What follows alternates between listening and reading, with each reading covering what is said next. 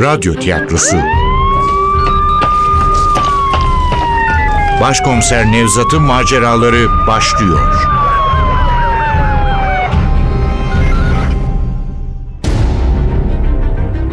İstanbul Hatırası.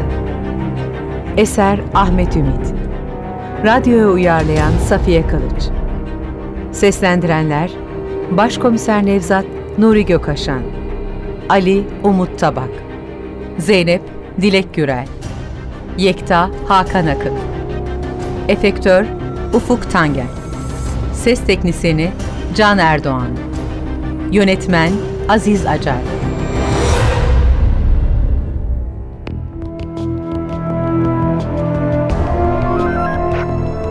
Elbette vahşetten kaçmış bir adam vahşete başvurabilirdi. Onca emek, onca çaba, onca kahırla kurduğu dünya tehlikeye girdiğinde zaten kültüründe var olan şiddet eğiliminin de yardımıyla gözünü kırpmadan insanları öldürebilirdi. Bu görüşlerimi dile getirmedim tabii. Açıkça suçlama olurdu. Oysa elimizde veriler onu içeri atacak fırsatı henüz vermiyordu bize.'' Üst katı Osmanlı dönemini, alt katı Roma çağını, bulunduğu sokak Türkiye Cumhuriyeti'ni yansıtan Dersaadetten ayrılırken, bu görüşmeden elde edebildiğim tek izlenim, Adem Yezda'nın bizden önemli bilgiler gizlediğiydi. Gizlediği bilgiler, faillerini hala bulamadığımız beş cinayetle mi ilgiliydi, yoksa şirketinin yolsuzluklarıyla mı onu kestirmek güçtü. Kesin olan hem cinayetlerin failinin hem de Adem Yezda'nın yolsuzluklarının şu beş kişinin öldüğü kazayla ilgili olduğuydu. Emniyet binasında yaşlı erik ağacının yapraklarının arasından sızan o tembel bahar güneşinin aydınlattığı bankta sandviçini yerken buldum Zeynep'i. Beni görünce kalkacak oldu. Otur otur. Güzelmiş burası. Ne yiyorsun bakalım? İster misiniz başkomiserim? Peynirli sandviç, domates salatalık da var içinde. Ver biraz alayım ama çok olmasın. Ne yaptın Zeynep? Çok verdin. Yersiniz başkomiserim, yersiniz. Bana fazla gelecekti zaten. Nasıl gidiyor şu davanın dosyalarına ulaşabildik mi? Dersadet hakkında açılanı diyorum. Dün geç kalmışız başkomiserim. Siz bana söylediğinizde vakit ikindiydi. E, pazartesi hepsi elimizde olacak. Soruşturmayı gazetelerden okudum. E, tabii yazıldığı kadarıyla dava açanlar yani İSD'liler olayın kaza değil sabotaj olduğunu ileri sürmüşler. Adem Yezdan artık çökmek üzere olan sarnıç duvarını adamlarına yıktırarak o alanda istediği gibi inşaat yapma hakkı kazanmak istiyordu demişler. Ama karşı görüşü savunanlar da var. Onların başındaki kişi ise üçüncü kurban yani gazeteci Şadan Duruca. Adam adeta Dersaadet şirketinin sözcüsü gibi davranmış. Adem Yezdan'a da bir daire vermiştir artık. Ah, yazılarını okurken midem bulandı. Gizli saklı da değil, açıktan övüyor adamları. Dersaadet'in yaptığı işleri öyle ballandıra ballandıra anlatıyor ki sanırsın adamlar birer turizm kahramanı. Dava açanları da topa tutuyor tabii. Başta da İSD yöneticilerini. Ve elbette eski terörist olarak nitelediği Namık Karaman'ı. Güya bunların hepsi satılmış vatan hainiymiş. Millet, servet düşmanıymış. Yürüttüğümüz soruşturmada tuhaf bir şey vardı. Öldürülenlerin neredeyse hepsi pis işlere bulaşmış, en azından yolsuzluklara göz yummuştu. Eğer İSD'nin iddiaları doğruysa, bu göz yumma sonucunda beş kişi de hayatını yitirmişti. Elimizde iki zanlı grubu vardı. İlki kendi anlayışları içinde olsa bile bu şehrin tarihine sahip çıkmak isteyenler. İkincisi ise tarihi dokuyu kullanarak hatta gerekirse talan ederek para kazanmak isteyen bir turizm şirketi. Açık konuşmak gerekirse Namık'la Leyla'nın katil çıkmalarını hiç istemezdim. Çok fazla ortak yönümüz bulunmasa da İstanbul hakkındaki düşüncelerin nedeniyle olsa gerek ısınmıştım onlara. Adem Yezda'nın suçlu çıkması durumundaysa üzüleceğimi hiç sanmıyorum. Öte yandan amaçları ne olursa olsun Başkalarının canına kıyanları, hedeflerine ulaşmak için cinayet işleyenleri onaylamam mümkün değildi. Cinayet işlemek ölenleri geri getirmez.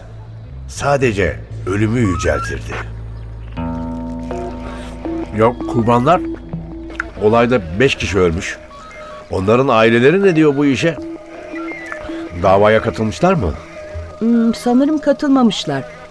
Eğer Dersaadet'i suçlayacak olsalardı gazeteciler böyle bir haberi atlamazlardı. Kurbanların yakınları Dersaadet ya da Adem Yezdan hakkında konuşsalardı bütün gazetelerde dokuz sütuna manşet olurlardı. Tabii şimdi dava yeniden açılacak. Belki onlar da tavırlarını değiştirmişlerdir. Aa, yesenize başkomiserim, elinizde kaldı. Tab- Tabii. Davadaki bilirkişi heyetinin listesine de ulaşamadık değil mi? Ne yazık ki öyle. Gazetelerdeki haberlerde yok. Ama pazartesi dava dosyasıyla birlikte hepsini öğrenmiş olacağız. İSD'nin minibüsü ne oldu? Minibüsü tanıklara gösterdik. Ayasofya konaklarındaki güvenlikçiye, Fatih Camii'ndeki adamlara emin olamadılar. Çok dikkatle bakmamışlar. Ama aracın arkasındaki plastik zeminde kan lekesi bulduk. Nasıl bir leke? Taze mi? Beş günlük filan. Maktullerin kan grubuna göre eşleşme yapmaya çalıştık. Necdet Denizel'in kan grubuyla uyuştu. Şimdi DNA eşleşmesi yapılıyor. Ama sonucu almamız iki gün sürebilir. Pek umutlu değilsin galiba. Eşleşme olmayacak mı diyorsun? Ah, kesin konuşmak için erken başkomiserim. Ama beş günde beş cinayet işleyen bir katil grubu var karşımızda. Bunu yaparken de hiçbir açık vermediler. Eğer gerçekten de katiller İSD'lilerse bu şahısların maktullerden birinin kan lekesini kendi minibüslerinde bırakacaklarını hiç sanmıyorum. Sözleri mantıklıydı ama cinayet işlerken geride kanıt, iz, tanık bırakmamak sadece failin becerisine, cesaretine ve soğukkanlılığına bağlı değildir. Hiç umulmadık bir gelişme, örneğin cinayet mahalline gelen beklenmedik bir tanık, kurbanın kanının yerde leke bırakmasına neden olacak yırtık bir naylon, acemi bir işbirlikçi, en akıllıca düzenlenmiş planları bile bir anda geçersiz kılabilir.'' En usta katilleri bile ele verebilirdi. Meslek yaşamım boyunca birçok faili meçhul cinayeti yaşamın katili attığı bu son dakika gollerinden yararlanarak çözmüştüm. Beyaz minibüste bulunan kan lekesi de katillerin istemeden verdikleri önemli bir açık olabilirdi. Sanmasan da o kan lekesiyle Necdet Denizel'in DNA'sı eşleşebilir. En önemsizmiş gibi görünen bir kanıt bile varsayımlarımızdan daha değerlidir Zeynep. Bu ihtimali hiçbir zaman göz ardı etmedik başkomiserim. Adli tıptaki arkadaşlar tam kadro o işin üzerinde çalışıyorlar. Şu pro, pro muydu neydi ya onun adı? Hani şu kurbanların ölmeden önce uyuşturulup uyuşturulmadığını anlamak için kullanılan madde neydi onun adı? Propofol mü? evet işte o. Adli tıpçıların araştıracaklarını söylemiştin. Kusura bakmayın başkomiserim. Bugün size iyi haberler veremiyorum. Ne yazık ki otopsilerin neredeyse hepsi ölümlerin üzerinden en az 48 saat geçtikten sonra yapıldı. O süreç içerisinde bu madde çoktan dönüşmüş oluyor. Maktullerde propofolün izine rastlanılmamış. Canını sıkma Zeynep. Bu olaylar birdenbire çözülmez. Ama katiller mutlaka bir iz bırakacaklar. Zaten hep bırakırlar. E, enerji içeceği mi o? Yapma be Zeynepciğim. Bu koladan daha zararlı. Bir şey olmaz başkomiserim. Hem tiryakisi değilim ki. Şu soruşturma bitsin, sıkışık günler sona ersin, ağzıma bile sürmem. Ali de kullanıyor mu bundan? Kendine sorun. Bakın geliyor başkomiserim. Ne? Ne oldu başkomiserim? Sırrını öğrendim Ali. Uykusuzluğa nasıl dayandığını çözdüm. Hiç bana bakma. Ağzımdan tek kelime çıkmadı valla. Niye ya? Ne oluyor burada? Bu ne Ali? Alıyorsun kafeinleri. Cin yavrusu gibi dolanıp duruyorsun ortalıkta. Ne uyku var ne yorgunluk var. Ha? Biz de kendimizi suçluyoruz yaşlandık diye. Sizde için başkomiserim. Bir zararı yok ki. O kadar emin olma Ali. Aşırı kafein iyi bir şey değil tabii. Söyleyene bak. Sanki sen içmiyorsun da. Ne yapalım başkomiserim? Uyuyup kalalım mı bilgisayarın karşısında? Neyse. Bu konuyu sonra konuşuruz. Ee ne yaptın bakalım Ali? Görüşebildin mi maktulün ailesiyle? Görüştüm. Karısıyla değil ama oğluyla konuştum. Kadıncağız hala baygınlıklar geçiriyormuş. Çocuk da askerden yeni gelmiş. Timur adında bir oğlan. Birkaç yıl içinde babası işleri ona devredecekmiş. İş dediysem tahmin edeceğiniz gibi bakkal dükkanı değil tabii. Müteahhitlik, arsa alım satımı, toplu inşaat yapımı. Yani İstanbul'un taşı toprağı altın, biraz da biz götürelim abi durumu.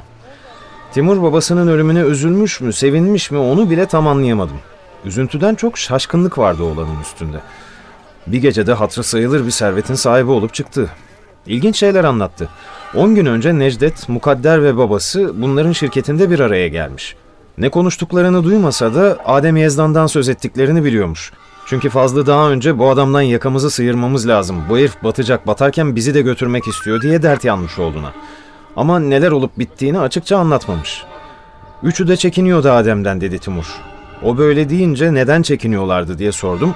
Tam olarak bilemiyordu. Askerden geleli daha 15 gün olmuş. Ama tahminime göre bunların dördü ortak bir işe girmişler. Parayı koyan da Adem Yezdan'mış. Ama işler ters gitmiş, mahkeme bunların işini durdurmuş. Tabii inşaat bitmeyince adam acayip para kaybetmiş. Babanı öldürmüş olabilir mi diye açıkça sordum. Bu olasılık aklına hiç gelmemişti. Uzun uzun düşündü. Bilmiyorum o kadarına cesaret edebilir mi diye söylendi kendi kendine. İşin içinden çıkamayınca bana döndü. Siz ne düşünüyorsunuz komiserim? Babamı Adem Yezdan mı öldürttü? Ne diyeyim yok canım öyle bir sonuca varmadık. Başka zanlılar da var diye bu fikri kafasından uzaklaştırmaya çalıştım. Ama aklına takılmıştı bir kere. Ben gidip konuşayım mı bu Adem'le diye yeniden açtı konuyu. Sakın ha kimseyle konuşma diye uyardım. Babanın katilini mutlaka bulacağız dedim. Sanırım ikna oldu. Peki Adem Yezdan ne diyor başkomiserim? Aslında senin Timur'un anlattıklarını doğrulayan şeyler söyledi. Bu dava nedeniyle yarıda kalan inşaat yüzünden büyük para kaybetmiş. Cinayetlerle ilgisi olduğunu kabul etmiyor tabii. Namık Karamansa İSD'lileri suçluyor.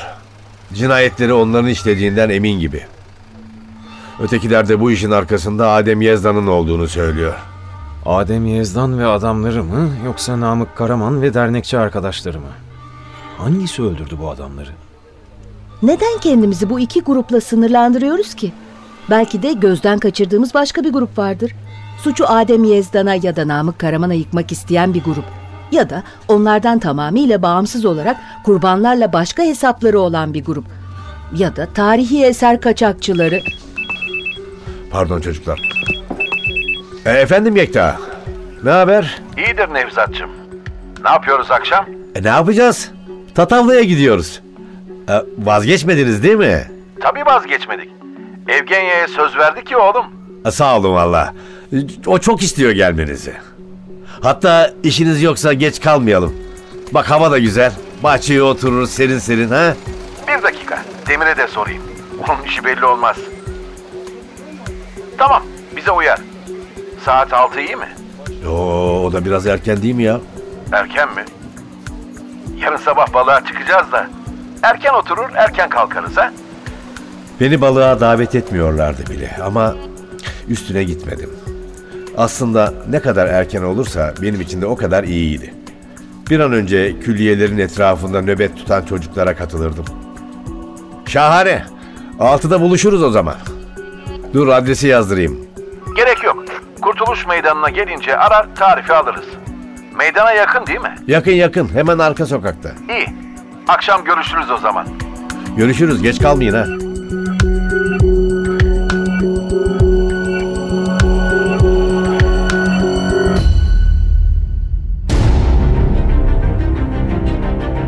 İstanbul Hatırası Eser Ahmet Ümit Radyoya uyarlayan Safiye Kılıç Seslendirenler Başkomiser Nevzat Nuri Gökaşan Ali Umut Tabak Zeynep Dilek Gürel Yekta Hakan Akın Efektör Ufuk Tanger Ses Teknisini Can Erdoğan Yönetmen Aziz Acar.